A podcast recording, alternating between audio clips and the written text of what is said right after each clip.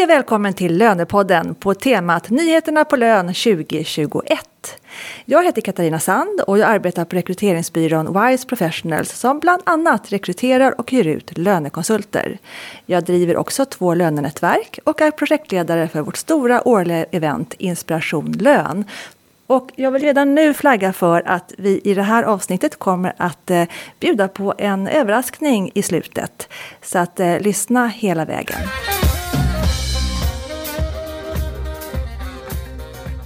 Vi har två gäster med oss idag som båda är med på länk på grund av pandemin.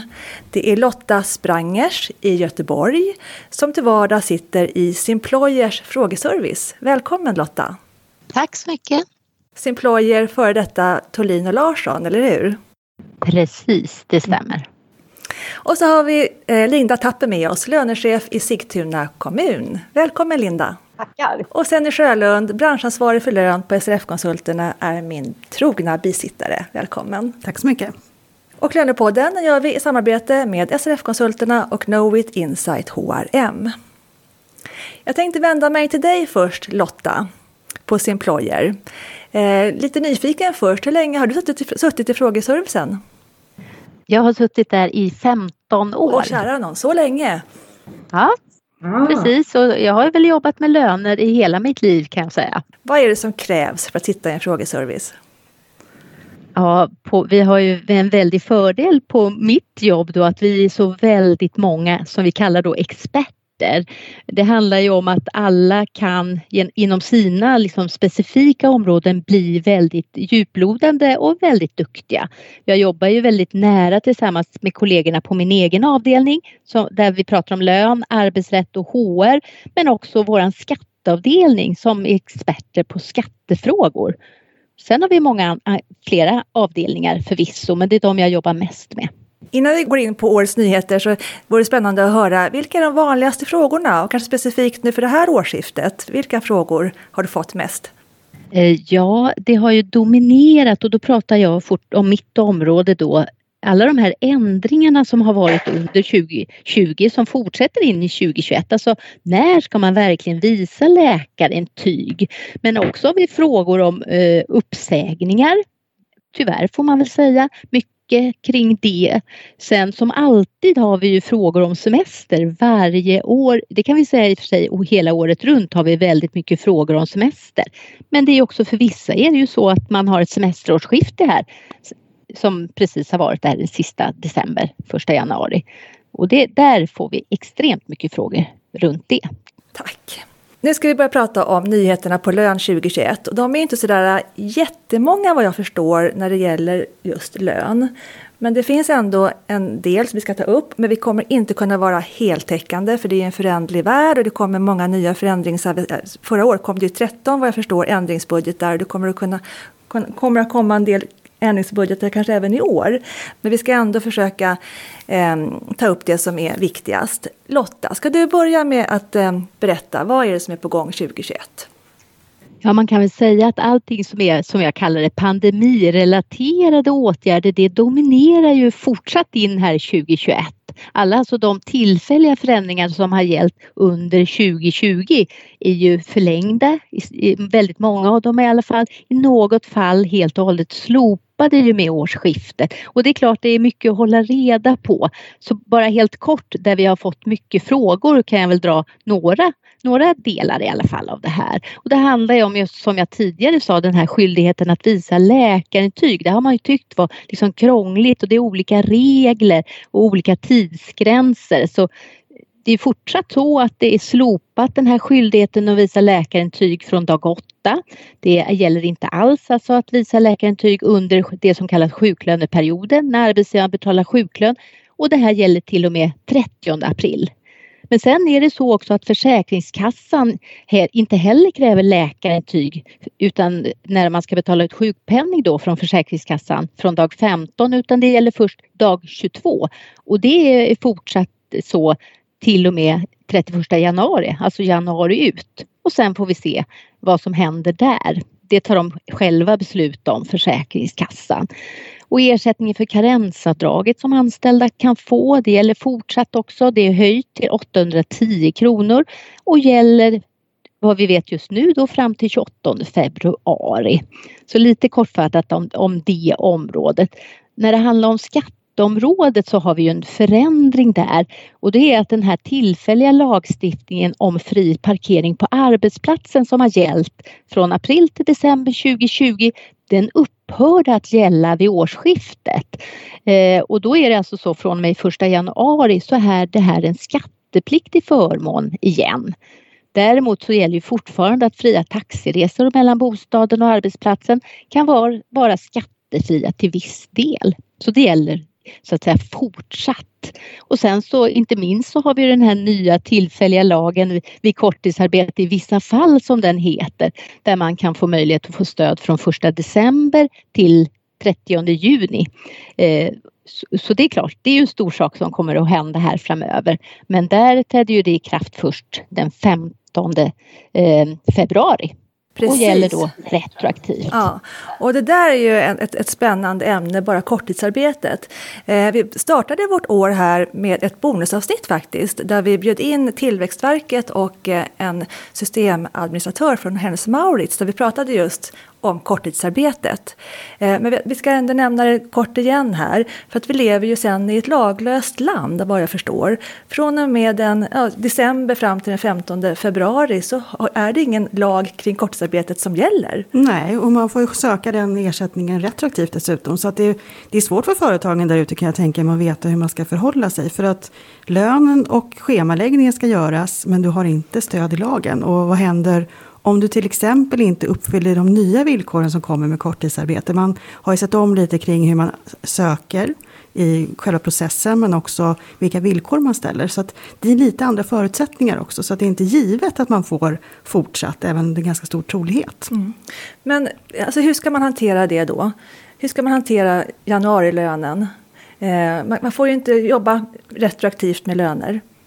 Ja, man får ju utgå ifrån att man har en möjlighet att göra det. Sen är det ett risktagande för företagen. Ja. Att man, man får ju räkna med att man kan gå back med de pengarna helt enkelt. Eh, om, det om man får ett avslag? Ja, om du får ett avslag. Och det är, det är en svårighet i sig själv i den hanteringen. Men förhoppningsvis så ska det ju inte vara så. Jag tror att de som, de som har haft och har förutsättningarna för det sedan tidigare kommer säkerligen kunna fortsätta. Men det är problematiskt med lagstiftningen när den ligger som den gör och att det kom så sent mm. med eh, förlängningar. För jag tycker att det var märkligt att man inte tog höjd för det redan i, i höstbudgeten faktiskt. Ehm, även om man tycker att vi hade förhoppningar om att vi inte skulle vara i det här läget nu med pandemi som Lotta var inne på. Utan Eh, men remissen kom sent, det var kort remissrunda och det var mycket synpunkter. Och Tillväxtverket har ju också en sak som komplicerar det hela. Det är att Tillväxtverket har aviserat att även om den här lagen trädde i kraft 15 februari så har de alldeles för eh, liten eh, litet stöd i att kunna ta emot de här ansökningarna. Så det kommer dröja innan företagen får sina ersättningar. Så att då är vi framme kanske 6-7 veckor efter 15 februari innan man faktiskt kan få ersättningen från myndigheten. Så det är klart att det här sätter företagen i en väldigt jobbig situation tror jag. Mm. Ehm, men där gäller det som alltid dokumentera, se till att man har underlag för det man gör, se till att prata med de anställda och, och reda också ut i vad, vad händer om man nu hamnar i det läget. Så att man har till exempel kontakt med sina arbetsgivarorganisationer och ser att man, man får rådgivning därifrån beroende på vilka kollektivavtal man har. För det här är ju någonting som är centralt styrt.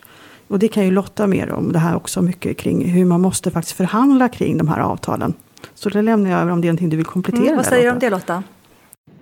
Ja men det stämmer ju. Alltså själva, man måste vara noggrann med att se att man har förutsättningarna att få det här stödet överhuvudtaget.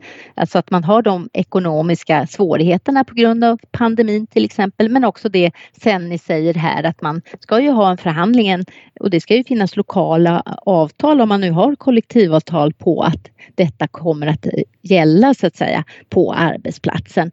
Och annars så som reglerna har varit så är det att man får ha avtal med 70 procent av de anställda för att man ska kunna överhuvudtaget ha förutsättningarna för att ha, få ett stöd för det här korttidsarbetet.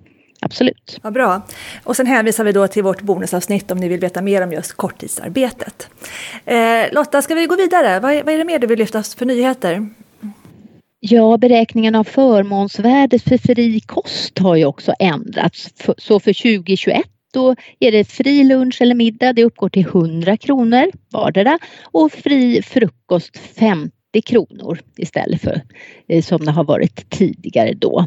Eh, eh, prisbasbeloppet har ju också höjts till 47 600 kronor. Så det har höjts med 300 kronor.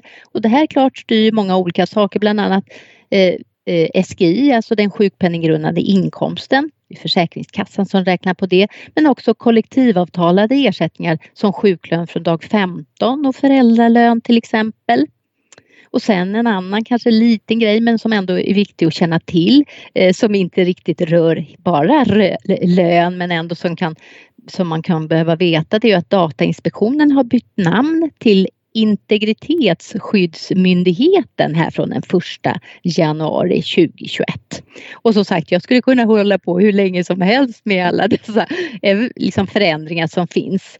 En, en annan sak, men det handlar om eh, på Arbetsmiljöverkets hemsida. Det finns nya föreskrifter om arbetsplatsens utformning, alltså ljus, ljud och ja, personalutrymmen och bland mycket annat. Så det gäller nya regler från första januari. Men det är ju inte helt och hållet nytt det här utan det ersätter fyra tidigare föreskrifter.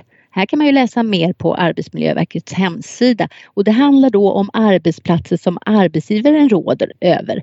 Till exempel ett kontor, alltså det handlar inte om hemarbete. Men där har ju Arbetsmiljöverket ska ju ta fram en vägledning för hemarbetet som presenteras den 1 februari. Så alltså ganska snart här 2021. Tack! Har vi dragit då de, de stora nyheterna? Finns det några fler som ni vill lyfta fram? Nej, man, men sen ska man, man ska vara observant på arbetsgivaravgifter också. Det är en, en sån del i, i den hanteringen kring att vi ändrar eh, nivåerna helt enkelt. Det går ju in på det kalenderåret när man fyller år som man får olika typer av arbetsgivaravgifter. Och jag tror att det som Lotta var inne på också det här med att vi har det som ger effekt från 2020 in i 2021 kommer ju vara säkerligen kanske ett laborerande vidare också med arbetsgivaravgifter. Så att jag tror man måste vara väldigt lyhörd i de här delarna i hur man ska hantera förändringar. Mm. Linda, du ville säga någonting? Mm. Ja, jag tänkte man kan ju också bevaka då förändringar på arbetsgivaravgifter. Det finns ju ett förslag om att sänka arbetsgivaravgifter för de som är 18 till 23 år. Och det ligger väl i april i så fall. Vad bra Linda att, att du kom in där, för jag tänkte precis spela in dig här. Eh, därför att eh, du har jobbat som lönechef nu i många år och nu är du på Sigtuna kommun eh, där ni har varit 4 600 löner ungefär va? och sex medarbetare på lön. Ja, 4 200 i snitt. Ja, så var det. Ja, och sex stycken personer då med, med mig. Precis, och jag vet att eh, det är mycket, du har mycket ordning och reda och struktur på din löneavdelning och ni jobbar med dagliga avstämningar, månadsavstämningar och årsskiftesrutiner. Eh, kan du berätta lite kring hur du jobbar kring ett årsskifte och kanske i synnerhet nu, nu då inför 2021? Absolut. Jo, jag tycker struktur och ordning är A och O när man jobbar med lön. Det är viktigt att allt blir rätt från början. Vi ska ha hög kvalitet i vårt arbete. Och som du nämner så har vi olika scheman för hur vi jobbar per dag. Det vill säga det som ska göras varje dag för att vi inte ska hamna på efterkälken. Vi ska ligga ajour, ingen backlog. Och det som är per månad, det är den vanliga löneprocessen som är återkommande varje månad. Uppe på det så har vi också ett arbetsschema för ett år. Och det vill säga det är ju arbetsuppgifter då som vi gör en gång per år eller vid några tillfällen per år.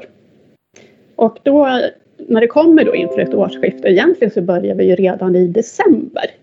Och där vi har aktiviteter inlagda som till exempel att vi ska göra en FOS-förfrågan, fråga om skatteavdrag. Eh, vi ska till exempel skapa upp en leveransplan för våran bank. Vi tar fram brytdatum och nya löneperioder för nästa år. Allt sånt där som ska ut till användarna i kommunen. Och i januari då till exempel, om ni vill att jag tar några exempel vad som ligger i vår års... Då ska vi ju läsa tillbaka den här FOS-förfrågan. Och i samband med det så behöver vi också göra kontroller. Att inläsningen har blivit korrekt. För det kan ju faktiskt vara anställda som inte ska ha skatteavdrag enligt tabell.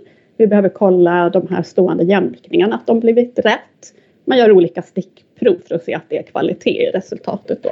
Det kan ju vara att man behöver göra ändringar i sin utdata utifrån eh, ålderskategorier. Till exempel om man har rapporter som eh, ska se över vilka som har kommande pensionsavgångar.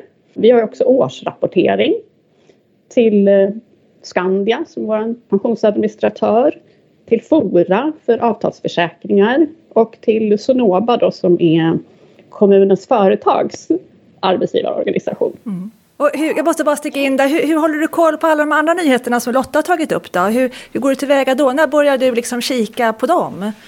De börjar jag kika på väldigt tidigt. Jag hänger inne på Försäkringskassan och på Skatteverket. Uh, och jag har väl aldrig varit så mycket inne på regeringens hemsida som i år. Uh, sen har vi också ett expertverktyg. Så uh, som Lotta säger, hon och hennes kollegor är ju experter inom området och de är många och de har djuplodade kunskaper. Men när man sitter på en löneenhet och vi har, vi har mycket att göra, det är svårt att hålla sig uppdaterad på allt och på det här djupa planet. Så jag rekommenderar alla att ha ett expertverktyg, för det hjälper oss oerhört mycket. Um, så att det är ett sätt att hålla sig uppdaterad, för där får ju vi serverat nyhetsbrev med de förändringar som kommer i lag och regelverk.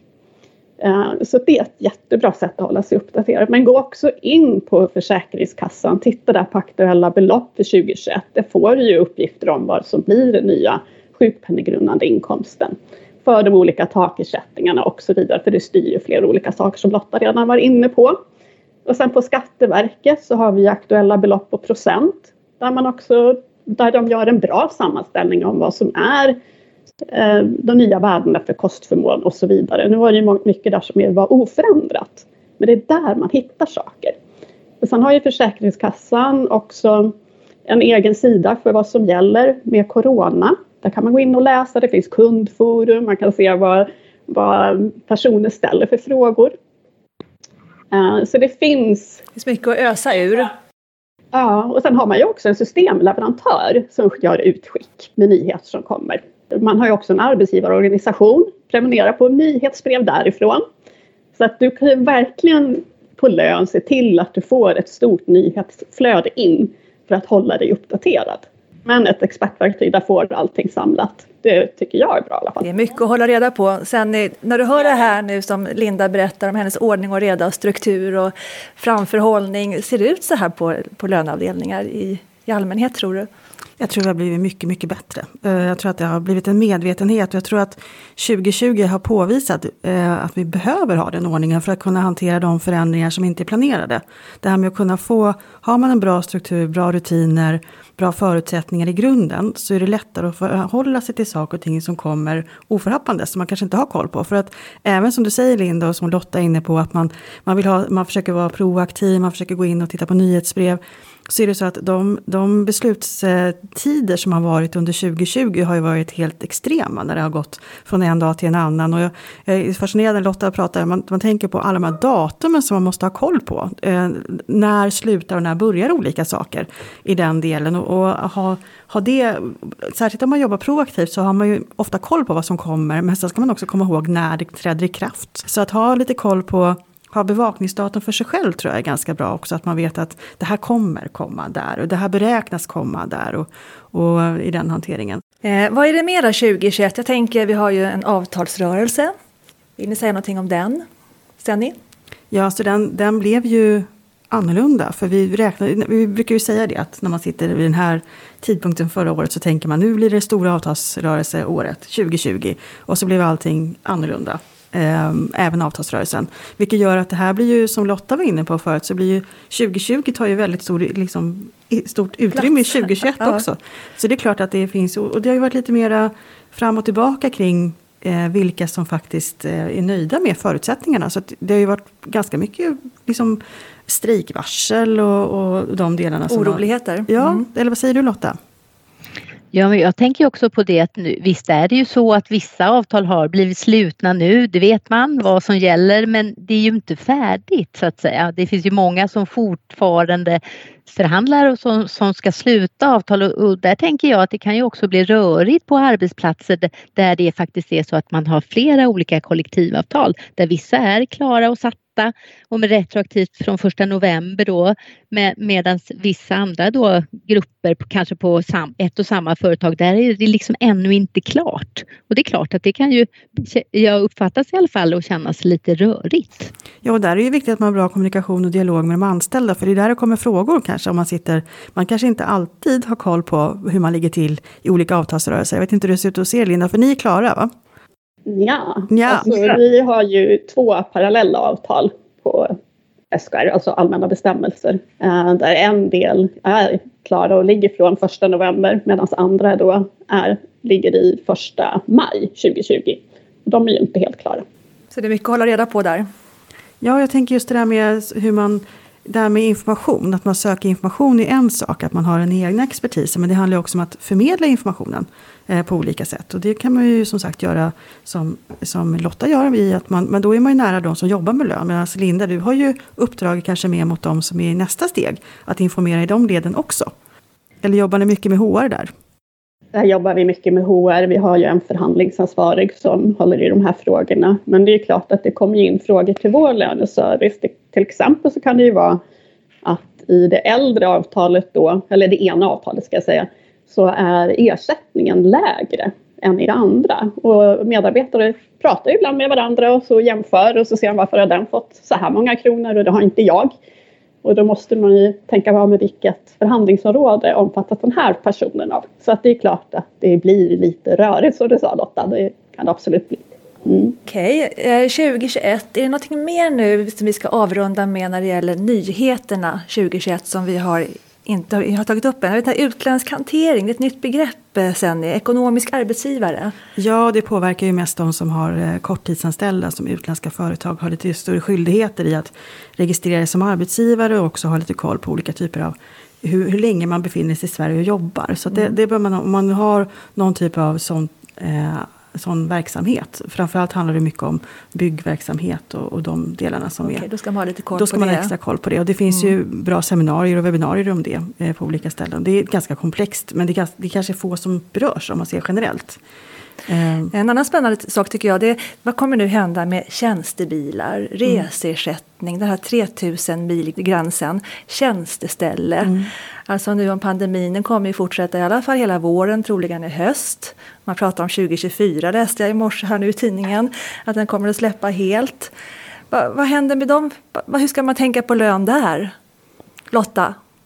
Jag är hemskt ledsen, där kan jag ju inte ge så mycket Nej. input eh, för att jag eh, liksom jobbar inte inom det området.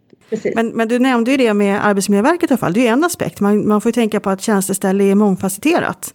Att det är många aspekter in i när man bedömer tjänsteställen och vad, man, vad det bör bli för effekter i de här delarna. Eh, och man pratar också, någonting som man, har, man lyfter mycket är ju också här hur vi, ska, hur vi ska se till att vi värnar om våra sociala välfärdssystem eh, ekonomisk brott, eller arbetslivskriminalitet och annat. Och då pratar man mycket om kontroller och det kommer säkerligen komma under 2021. Och då är tjänstestället ganska viktigt. Men som du säger Katarina så blir ju tjänstestället också lite svårdefinierat när man, när man, eh, när man då har, det finns ju tydliga regelverk visserligen, men frågan är om man kanske måste tänka om där från de som, har, som kan eh, tolka det här. Det vill säga Skatteverket kanske måste tänka till lite kring tjänsteställe. Eh, Lotta, jag vet att när vi pratades vid innan före det här avsnittet eh, så sa du att ja, men det är inte så mycket spännande 2021 kanske, men 2022 då händer det grejer. Vad, vad händer då? Ja, liksom för 2021 önskar man sig ju ändå att det inte ska bli som Senny sa tidigare ett sånt här extremt år med så mycket förändringar. Alltså önskemålet är ju kanske att eh, ja, både att det ska gå tillbaka till något, något som kan kallas det normala, om det nu blir något det nya normala eller hur det nu kan bli. Men det är väl kanske önskemålet eh, att det inte ska bli alla de här förändringarna och väldigt fort så som det har varit. Eh, men visst, det, det, stämmer att jag tänker så här för eftersom vi alltid liksom kollar vad händer och när. Så klart 2022 är det ju mycket och då tänker jag på LAS, reglerna i LAS och ändringarna där blir ju intressant, eller intressant, det vet vi mycket kanske vad vi utgår ifrån där men att det kommer först till 2022. Sen så är förslaget om familjevecka tycker jag är ganska så intressant eh, som ändå har varit på tal länge nu det här att man ska som förälder då få upp till kan jag säga fem år, alltså fullt, eller fem år. Nu sa jag helt fel. jag menar ju såklart inte fem år, jag pratar om fem dagar. fem dagar ledigt om det är lov eller studiedag eller så. Ut till också utvecklingssamtal i skolan och det här handlar ju om barn som är mellan 4 och 16 år. Att föräldrarna ska få fem dagar var ledigt och ensamstående tio dagar då. Så det är klart att det, det händer ju först 2022. Mm. Sen händer det, jag skulle vilja säga på det här området, eftersom vi har jobbat så väldigt det händer ju saker hela tiden. Såklart, och det gör det även under 2021. Absolut. Det finns många olika nyheter att informera om där, skulle jag ändå säga, när de väl kommer. Okej, ska vi börja avrunda lite här? Um, Linda, jag tänker, vad, vilka utmaningar ser du framåt här nu 2021? Eh, det är att fortsatt hålla sig uppdaterad på nyheter då och ändringar i lag och regelverk. Men också att fortsätta den digitala utvecklingen då som vi har påbörjat speciellt under 2020. Det har vi varit tvungna att bli mer digitala på lön i och med hemarbete. Så att vi utvecklar, jobbar nu med att utveckla digitala tjänster för att få bort den här sista pappershanteringen med pappersblanketter till exempel. Men än har vi fortfarande myndighetsposten som jag vet att det blivit nämnd i tidigare avsnitt att det är ju ofta den som tvingar oss in på arbetsplatsen. Eh, så att där finns det ju att arbeta vidare med. Mm. Och Lotta? Ja, jag tänker också på något som händer 2021. Det är ju att det ska bli nya föreskrifter om arbetsanpassning som jag tänker det berör ändå många arbetsgivare. Kanske inte direkt inom lön men det handlar ju om att de, där ska man då förtydliga arbetsgivarens skyldighet att stå för arbetsanpassning. Det pratar, man pratar inte rehabilitering alltså utan arbetsanpassning. Vad kan man göra då för att förebygga och förkorta sjukfrånvaro? Så det är ju, det är, eh, är ju intressant när den kommer då och det är första juni 2021 kommer den. Bra, tack Lotta. Och sen, eh, du har ju alltid många järn i elden. Vad har du på gång här nu då 2021? Jag tror att vi kommer att få se andra typer av rapporteringsförfaranden. Jag tror att vi kommer att behöva, vi har ju pratat, man pratar ju om att under pandemin så har vi tagit ett jättesprång i digitaliseringen. Eh, I de delarna, då pratar vi ju inte bara att man har systemstöd utan hur man jobbar. Som jag vet att Linda är väldigt in, initierad i hur man liksom ställer om och ser till att man nyttjar de möjligheter som tekniken ändå ger. Och, och jag ser lite hopp om att man i myndighetssamverkan börjar förstå vikten av att man faktiskt har ett, en mer typ av transparent eller möjlig eh, kommunikation med arbetsgivare till exempel. Eh, man ser att vi rapporterar kanske på ett annorlunda sätt. Vi kanske inte gör det, kanske inte 2021 men 2022, 2023. Att det liksom börjar hända saker i hur flödena går i, i, i samhället. Man pratar om att vi kanske har en annan typ av rapporteringscykel. Vi kanske går mer mot att vi, eller jag tror att vi går mer mot att vi har mera kort korta rapporteringen. Att vi, den här årsprocessen som Linda pratade om, den blir ju liksom mindre och mindre för att man har större och större behov av att man gör det liksom på kortare basis i, i de delarna. Um, så att förr var ju liksom kalenderåret var ju verkligen det stora och nu har vi som precis som Lotta var inne på så är det ju många som har semester så att det är ju jättestort om man har det vid årsskiftet. Men i övrigt så har ju liksom mycket gått över i och med att vi inte har kontrolluppgifterna kvar på samma sätt. Så att jag, jag tror att det, det, kommer att vara och jag tror att man måste tänka lite där och vara lite proaktiv precis som Linda säger och ha lite koll på vad som händer så att man har tagit till sig information i nyhetsbreven som vi pratar om men också kanske tänka vad kan vi, vad kan vi bidra med själva också. Jag, jag tycker det är så otroligt härligt att höra hur man under 2020 har fått tagit större plats som lön. Så jag önskar att man tar med sig det självförtroendet in i 2021 och fortsätter att jobba på att utveckla eh, lönerollen. Och det försöker vi göra med i olika samverkansgrupperingar. Eh, Lotta, vi har ju utlovat en överraskning. Kan du berätta vad den består av? Ja, det handlar om att man får vara deltagare på vår stora lönedag som vi i år har digitalt vid sex olika tillfällen. Det är alltså valfri kurs. Vi har också eh, två stycken tillfällen som är uppdelade på 50-50 där man fördelar den här kursen på två, två dagar helt enkelt.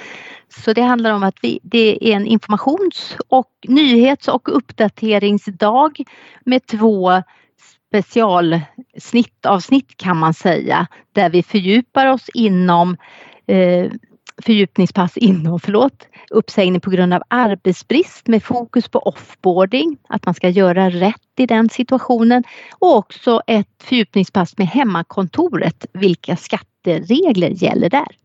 Bra, tack för det. Det passar ju perfekt i det här första avsnittet på temat Nyheterna på lön. Då, eh, vad jag förstår, då, så lottar vi ut två platser, eller hur Lotta? Det stämmer. Det är valfri dag, eh, värde ungefär 3 490 kronor. Och då måste man göra motprestation för att det inte ska bli förmånsbeskattat, eller hur Lotta? Och den motprestationen består av att man får helt enkelt kommentera Lönepoddens inlägg den 25 januari på Instagram. Eh, och då är frågan, vilken är den största utmaningen på din löneavdelning 2021? Gå in och svara på den frågan den 25 januari. 26 går också bra. Vi kan väl säga deadline kanske den, eh, ja, före den 28 januari i alla fall så ska du kommentera det här avsnittet. Och sen kommer jag lotta ut två platser. Tack för det Simployer och Lotta Sprangars. Och tack till Linda, tack till Henke, vår producent. Eh, så hörs vi igen den 25 februari på ett annat nytt tema. Då. Vad kul, vad härligt att vara igång igen på det nya året. Verkligen. Ja. Hej då allihop. Hej då. Hej då.